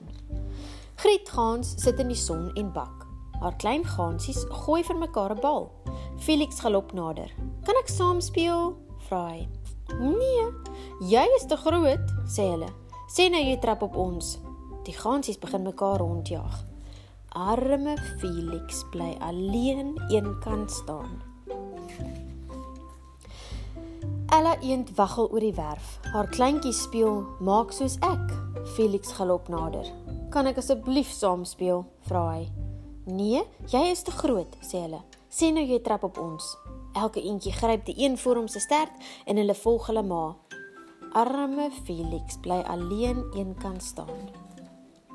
Katinka konyn sit in die veld. Haar kleintjies woets in en uit by die konyngat. Felix galop nader. "Kan ek saam speel?" vra hy. Die konyntjies hou op met speel. "Ek is seker ook te groot om met julle te speel," sê Felix hartseer. Die konyne knik hulle koppies en wip terug in die gat. Arme Felix bly alleen agter. Felix draf tot tussen die bome aan die ander kant van die weikamp. Klein voeltjies fladder lomp tussen die takke rond. Jong eekorentjies skarrel op en af teen die boomstamme. Ek kan sommer sien ek is te groot om met die voeltjies en die eetkorings te speel, sê Felix hartseer. Felix draf baie stadig terug werf toe. Hy voel baie alleen en hartseer. Niemand wil met hom speel nie. Ek wens ek was nie so groot nie, sug Felix. Ek wens van my ander diere wil met my speel. Felix draf al stadiger. Dan hoor hy diere huil. Dit klink of die huilery van agter die stal kom. Agter die stal staan 'n klein waantjie. Die lammetjies, die kuikens, die gansies en die eentjies sit almal in die waantjie en almal huil. Wat 'n geraas, dink Felix. Bly asseblief stil, sê Sari skaap.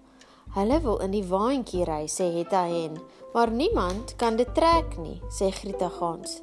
Nie een van ons is groot genoeg nie, sê Ella eend. En ek is te groot, sê Petra perd. Hang aan Lia. Maar ek weet wie is net die regte grootte. Felix, roep Petra perd om nader. Al die ander diere wil graag met jou speel. Maar hulle het gesê ek is te groot, huil Felix. Net nou trap ek op hulle. Nee, as hulle in die waantjie is en jy trek dit nie, sê sy ma. Kom nou. Ek sal help.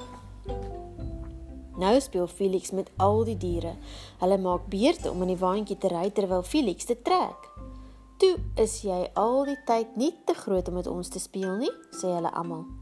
"Jy is net die regte grootte." Felix stem vrolik saam. Die einde.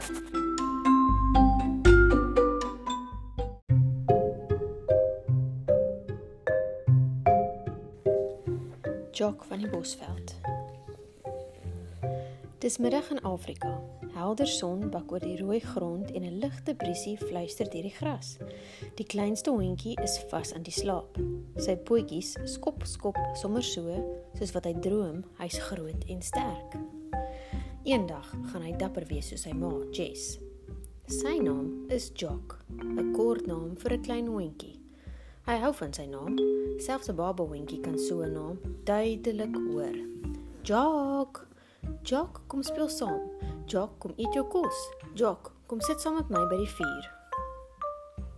Die ander hondjies is alweer eers heen. Jock sug. Hulle onthou natuurlik nooit om hom saam te nooi nie. Hy gaan lê met sy kop op sy potjies. Miskien moet hy maar vir 'n rukkie hier in die son lê en dit.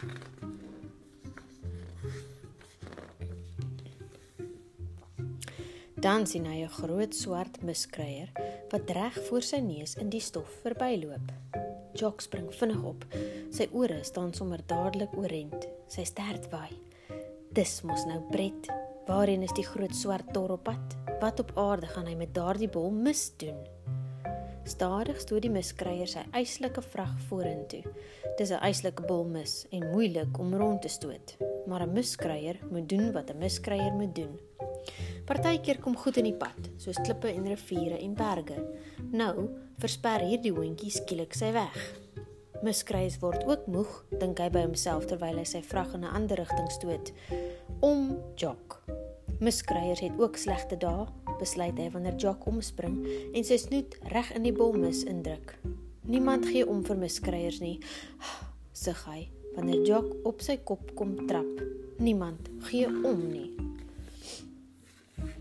Dan sien Jock iets niets raak. Hy hou dadelik op om die miskruier te pla en kyk eerder na die nuwe ding, 'n streep swart, golwende goetertjies wat rond marseer. Wat op aarde doen hulle? Waarheen is hulle so haastig op pad? Jock druk sy neus naby die streep teen die grond en spring toe vinnig op. Hulle byt dan, hierdie goed. Daar is duisend van hulle wat blitsig oor die warm grond beweeg, op pad ergens heen. Miskien moet ek ook soontoe gaan, dink Jock. Hy het nie 'n benul wat die marserende goedjies is nie. Maar dis natuurlik swart mure. Die oomblik wat Jock die swart mure begin volg na waarheen ook al so swerf mure gaan, sien hy weer iets nuuts. Hierdie goed vlieg. Daar's weer duisende van hulle, maar hulle beweeg 'n bietjie stadiger as die mure. Jock wonder hoe dit sal wees om net soos hulle te kan vlieg. Hy probeer in die lug spring, maar dit voel juis anders nie. Hulle is sag en blink en maak sirkels teen die middaglig. Jock vergeet skoon van die miskruier en die swerfmure en volg die reismure wat in die warm lug dans. Op daardie oomblik sien Jock iets niets raak, 'n vlakvark wat kordaat ronddraf met sy stert penorent. Jock is so opgewonde dat hy nie kyk waar hy loop nie en reg in 'n olifant se spoor inval. Hy nies van die stof in sy neus en skud homself reg. Dis pret om die wêreld alleen te verken. Dis pret om vry te wees. Jock vergeet wat sy ma altyd vir hom sê: "Wees versigtig en wees wakker." Hy vergeet om rondom hom te kyk. Hy vergeet om uit te kyk vir gevaar. Hy sien nie die klein voeltjies wat uit die gras opvlieg en hulself uit die vere maak nie. Hy's te besig om na die patroon van die olifant se spore in die stof te kyk. Hy kom nie agter dat dit skielik stil word oor die sonnige Afrika veld nie. Hy speel heeltemal te lekker. Die eerste ding wat hy agterkom is die steekpyn agter sy nek soos die arend hom gryp. Swish! Hy vlieg Dis nie baie lekker nie. Om mee te begin, het arende vreeslike skerp kloue. Dit maak seer en dit is baie ver van die grond. Jock knyp sy oë toe. Dis 'n taamlike rukkie voor die arend moeg raak om Jock te dra. Hy gaan sit in die top van 'n hoë boom om te rus, maar hy laat los nie vir Jock nie. "Los my!" kerm Jock. Maar die arend hoor nie. Hy hou net stywer vas en sy kloue maak selfs seerder. Jock wrimmel. Hy wrimmel en wrimmel tot hy uiteindelik die arend se poot met sy skerp tandjies kan beetkry. "Ina! Jy's net 'n groot boelie," skreeu Jock. Die arend word so kwaad om gebyt en 'n boelie genoem te word dat hy Jock laat los. Plof, plaf, plof, plaf. Jock hop soos 'n klip deur die boomtakke.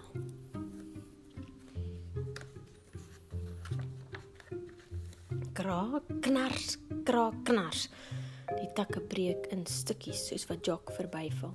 En dan kap boem. Jock tref 'n eislike versamel voelnes. Nou is hy regtig in die sop. Die arend is reg agter hom al skreeuende deur die woedende swerm voels kloue uitgestrek. Snip snip snip snip. Die nes breek uitmekaar en honderde vies skreeuende voels kom uitgevladder Jock land met 'n plof. Daar's nie 'n sekonde om te mors nie. Die arend is op sy hakke. Jock is nou waarwyd wakker. Hy kyk vinnig rond, 'n vlakvarkgat, die perfekte oplossing. Woeps, hy's binne, skoon uit asem. Maar daar's nie eens tyd om te rus nie. Hy skaars in die koel donker tonnel of die vlakvark besluit dis tyd om uit te gaan vir helder vars lug. Vier skerp gepunte hoewe skarrel bo oor Jock dan reg bo oor die arend wat steeds probeer om van die klein voeltjies ontslae te raak tussen die oorblyfsel blyfsels van hulle verwoeste nes. Die arend gee moed op. Hierdie hondjie is nie die moeite werd nie. Moeisaam vind hy sy pad tussen die skreeuende voëls deur verby die kwaai vlakvark en in die lug in. Nie niemand sien hom eers gaan nie. Vir 'n rukkie sit Jock doodstil. Dan staan hy op en skud homself behoorlik. Hy's oortrek van vere en stokkies. Waar op dese aarde is hy? Jock kyk om hom rond, maar kan nie onthou dat hy van tevore hier was nie. Dis 'n nuwe plek. Hoe interessant. Dan merk Jock nog iets niets op. 'n Goudgeel skoenlapper. Die laatmiddagson skyn op sy vlerke terwyl hy in die lug dans. Jock weet nou iets van vlieg af, maar hierdie is anders. Die skoenlapper dans. Jock kies koers om verder te gaan verken. Die einde.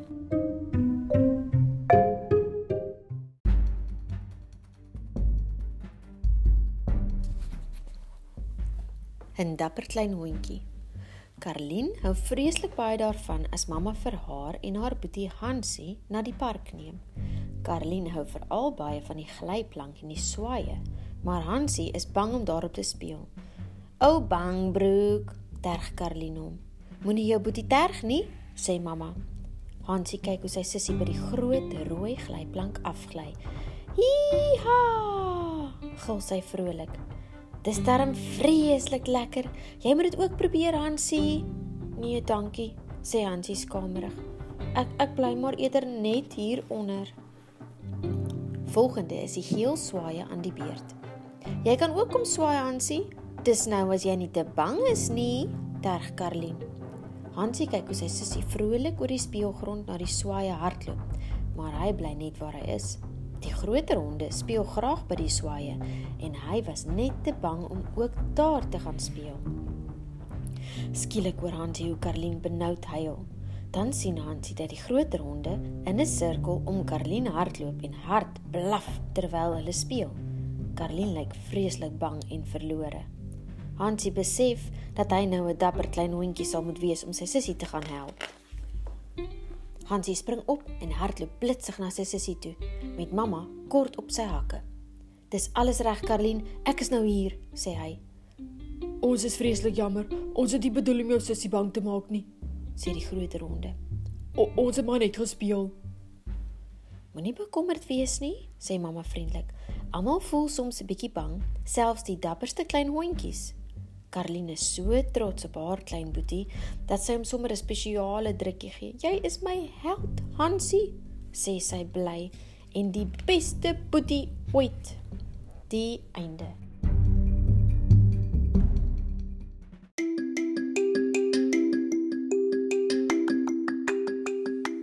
Spoordag op die plaaswerf. Dis 'n stil en rustige dag op die plaas en na 'n ruk begin die diere 'n bietjie verveeld raak. Ag, as daar tog net iets opwindends was vir ons om te doen, kla koei. Ewe skielik kry Bert 'n blink idee. Kom ons hou 'n spoordag, sê hy opgewonde. Al die diere dink dis 'n briljante idee en kan amper nie wag vir die pret om te begin nie. Eerste is dit lepel en eie resies. Al die diere staan gereed in 'n ry. Perd skree: "Merke, gereed, weg!" En daar gaan hulle. Die eiers wikkel en waggel en rol sommer weg. Net hen kry dit reg om oor die wenstreep te hardloop, opgewonde omdat sy gewen het. Kekkel sy trots met flappende vlerke. Hoekom hou ons nie sak resies nie? Stel skaap voor. Skaap was uitstekend met sakresies, maar koei raak so deurmekaar dat sy die sak oor haar kop trek. Bok begin sommer aan die sak knibbel en vark beland in 'n modderplas.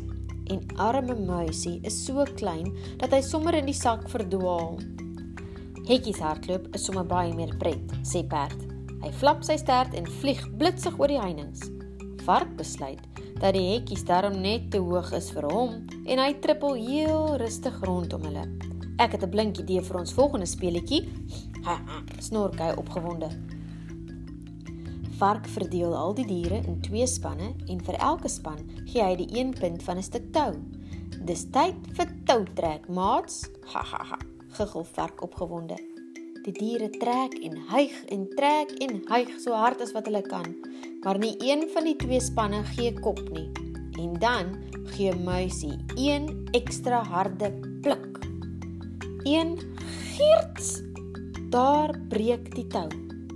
Die diere tuimel oor mekaar in 'n hoop op die grond en almal lag en giggel kliphard. Ek dink ons is almal wenners, kloek hen. En so gebeur dit dat perd aan elke dier 'n prys gee. Ons sportdag was baie groot pret, sê hen tevrede. Kom ons doen dit volgende jaar weer. Die einde.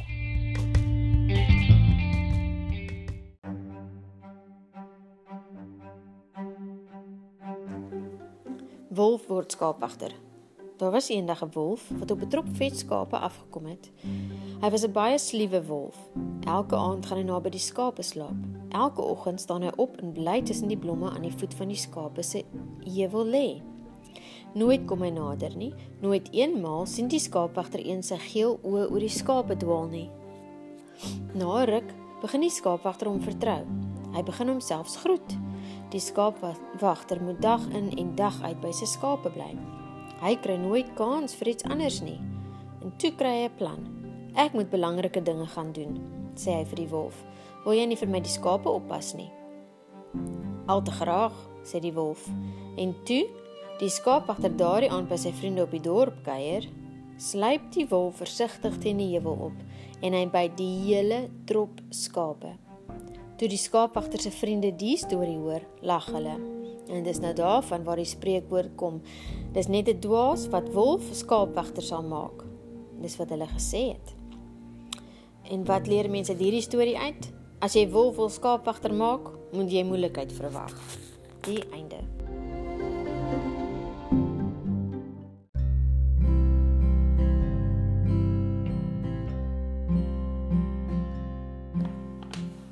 Diere stories. Muisie trek na 'n nuwe huisie. Muisie wou nie meer in die ou skuur woon nie en op windende nuwe huisie is waar sy wou woon, nie ver van die skuur af nie, sien Muisie 'n groot akkerboom. "Ah, dit sal 'n lekker huisie wees om in te woon," dink Muisie terwyl sy in die skaduwee van die akkerboom sit om 'n bietjie te rus. Maar dan beland iets pardoems op Muisie se kop. Die stoute klein eekorntjies wat reeds in die boom woon, was besig om van tak tot tak rond te spring en akkers op muisie se kop te gooi. Hierdie is beslis nie die regte huisie vir my nie, dink muisie. In 'n neutedop. Dit sou dom wees. Vies, skarrel meisie na die gras daar naby. In die lang gras kom meisie op 'n tonnel af wat baie interessant lyk. Dit lyk na 'n lekker veilige plekkie, dink meisie, en sy glip versigtig in die tonnel af. Maar skielik bots sy teen 'n groot bruin haas wat glad nie te vriendelik is nie. "Hierdie tonnel is myne," sê die haas. "Jy kan beslis nie hier bly nie. Bly uit." Meisie stap teleurgesteld verder en kom op 'n klein dammetjie af waarin die visse vrolik in die water baljaar. Die paddas hop rats op 'n op die lelieblare rond en kwak hard. Ek sal nogal graag hier wou woon, dink Meisie. Sy spring rats op een van die lelieblare, maar beland kaplaks in die water. Sy is te swaar vir die blaar papnat en hartseer sit muisie op die wal van die dammetjie. Nie een van die huisies is die regte huisie vir my nie, snik muisie. Miskien moet jy die veld hier naby probeer kwak, 'n klein groen paddatjie. Ek het gehoor daar's 'n heerlike warm skuur nie ver hier vandaan nie. Maar dis mos my ou skuurhuisie, sê muisie verras. Ai, hoe verlang ek nou na my skuur en in 'n japtrap draai Meisie in haar spore om en stap sy vrolik terug na haar eie spesiale skuur in die veld daar naby. Daar is werklik nêrens anders waar ek eerder wil woon nie. Sug Meisie, die skuur is die perfekte huisie vir 'n meisie soos ek. Die einde.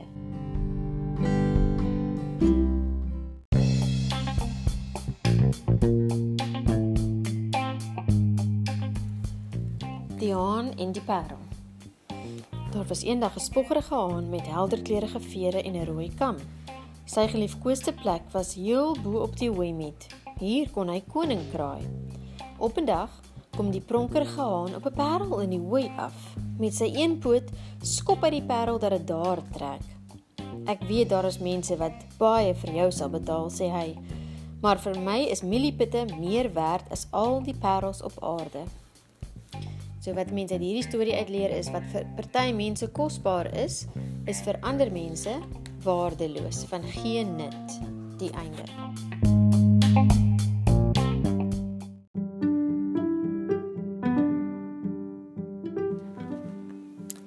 Ek gaan nou sommer 'n klomp kort stories alles in in een dingetjie sit van. Dit vat nou 'n bietjie langer.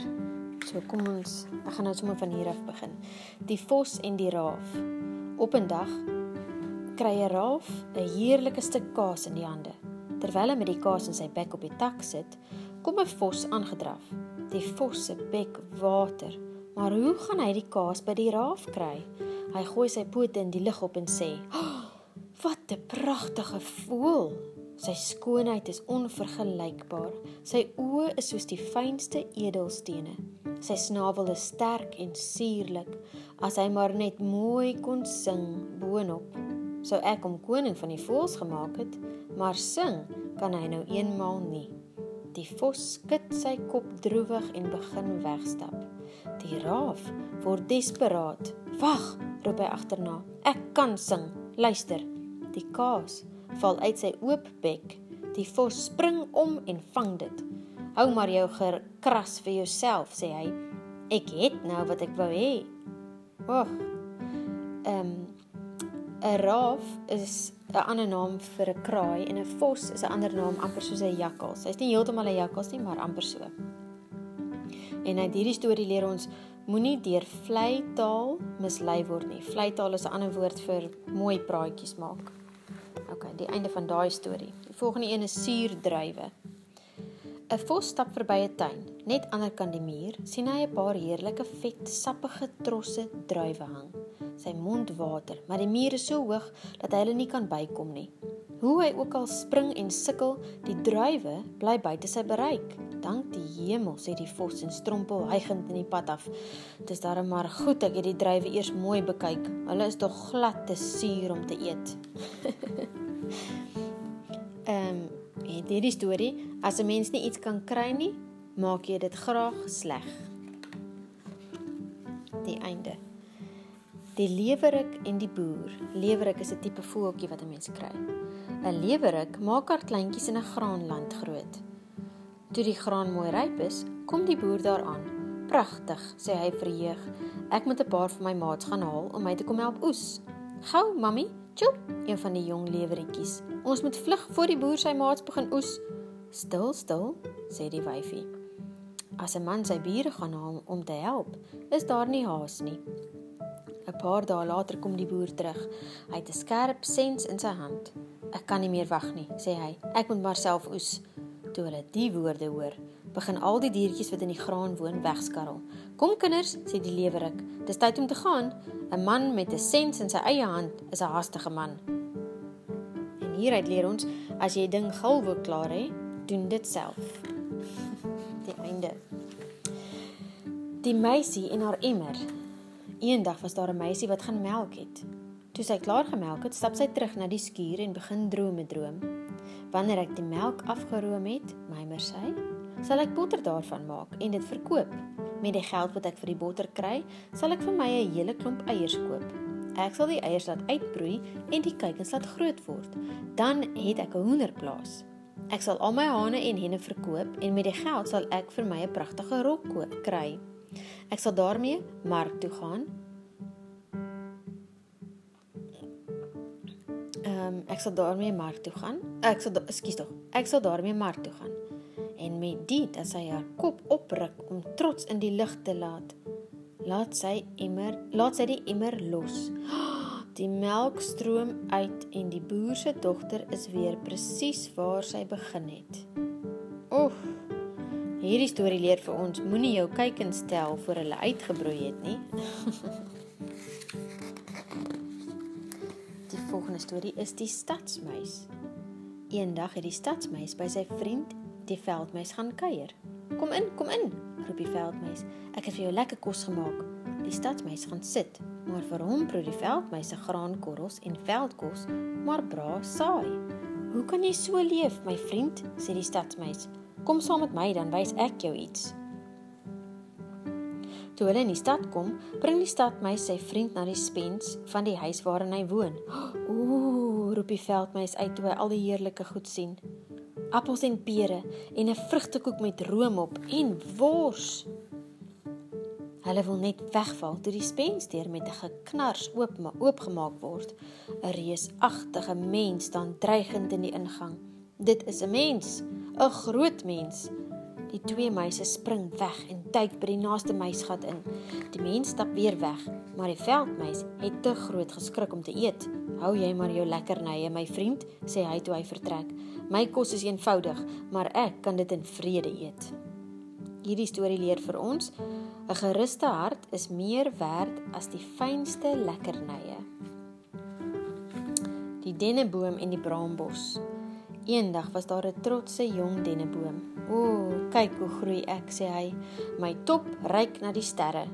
Minagtend kyk hy na die tooierige braambos wat naby hom staan. "Jou arme ding," sê die denneboom. "Jy is nie net lelik nie, jy is nog nutteloos ook." Ek is vuur en regop en almal wil my hout hê. Dis reg, sê die braambos. En wanneer hulle jou eendag kom afkap om jou waardevolle hout te kry, sal jy wys, sal jy wens jy was 'n nuttelose braambos soos ek. Uit hierdie storie leer ons, die nuttelose mens word ten minste nie misbruik nie. Maar Tannie sê, geen mens is nutteloos nie die boer en sy seuns. Daar was eendag 'n boer wat baie oud geword het. Op 'n dag word hy siek. Hy weet dat hy nie weer sal opstaan nie en hy roep sy seuns na hom. "My liewe kinders," sê hy, "ek moet binnekort weggaan. Maar voor ek gaan, het ek 'n geheim vir julle. In die wingerd is 'n kosbare skat begrawe. Spit die wingerd om en julle sal die skat vind." Na die ou man se begrafnis, spring sy seuns aan die werk. Die wingerd word tree vir tree omgespit. Op 'n skat het hulle nooit afgekom nie, maar die harde werk het die wingerd so vrugbaar gemaak dat die seuns tog welvarend geword het. Hierdie storie leer vir ons harde werk is die grootste rykdom. Die twee paddas. Daar was eenmal twee paddas. Die een woon in 'n heerlike vlei met alles wat 'n padda se hart kan begeer. Die tweede woon op 'n plaaspad. Hier is die grond droog. Net wanneer dit reën, staan daar dammetjies water in die spore waar die van die waans wat daar verbyry. Die vleipadda kan nie verstaan waarom sy vriend op so 'n vervelige, gevaarlike plek bly nie, maar sy maat is koppig. Ek ken dit hier, hou hy vol. Die volgende dag ry hy waaroor hom. Omtrent net 'n natkol bly oor. Hy het in 'n groef beland, sê die vleipadda treurig. Hierdie storie leer vir ons moet nooit bang wees vir 'n verandering teen goeie nie.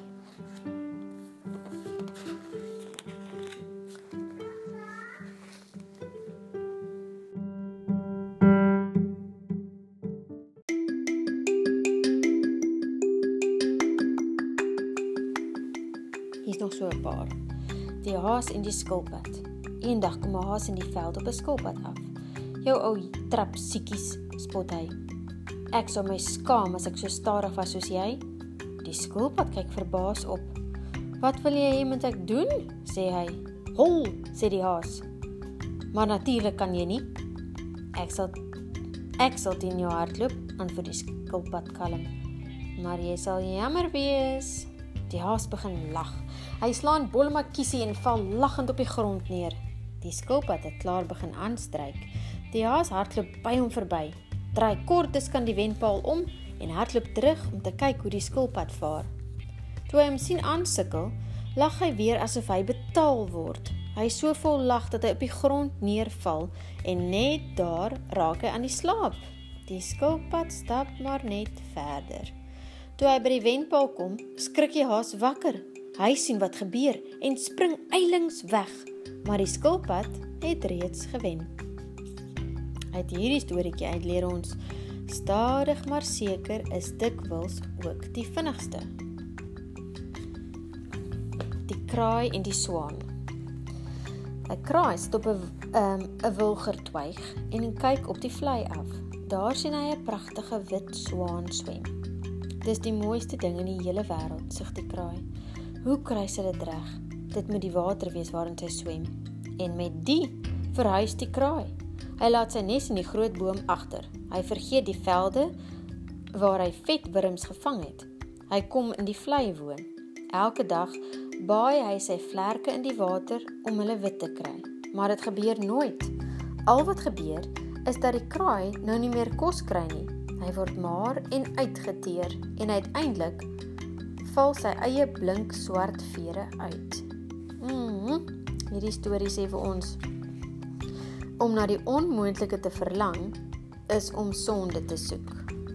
Eintlik ook kan 'n mens sê as 'n mens altyd goed wil hê wat nie so moet wees nie.